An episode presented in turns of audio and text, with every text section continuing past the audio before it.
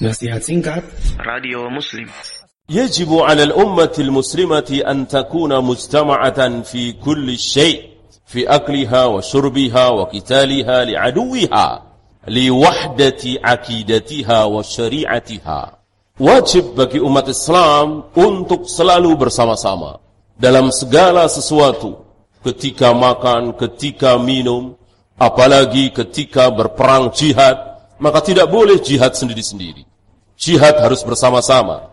Agar jihad bersama-sama, maka harus mengikuti seorang pemimpin. Raja kita, presiden kita, amir kita. Tidak boleh sendiri-sendiri. Kenapa? Karena kita semua satu akidah, satu syariat.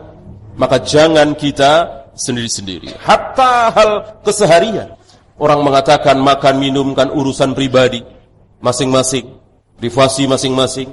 Islam mengajarkan tetap bersama-sama, cari orang. Ya. Jika antum mempunyai azam, tekad untuk tidak pernah makan sendiri, bagus barangkali.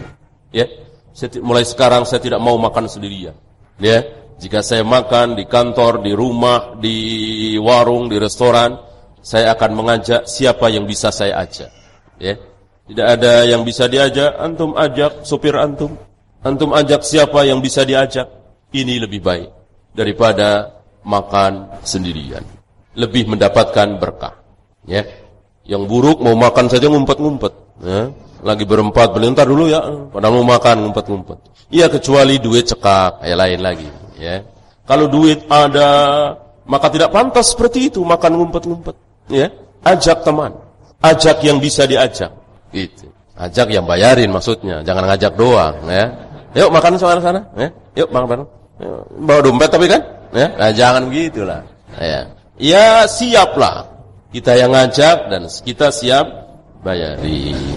Ya, itu maksudnya. Maksudnya kan nggak boleh kita minta-minta, haram.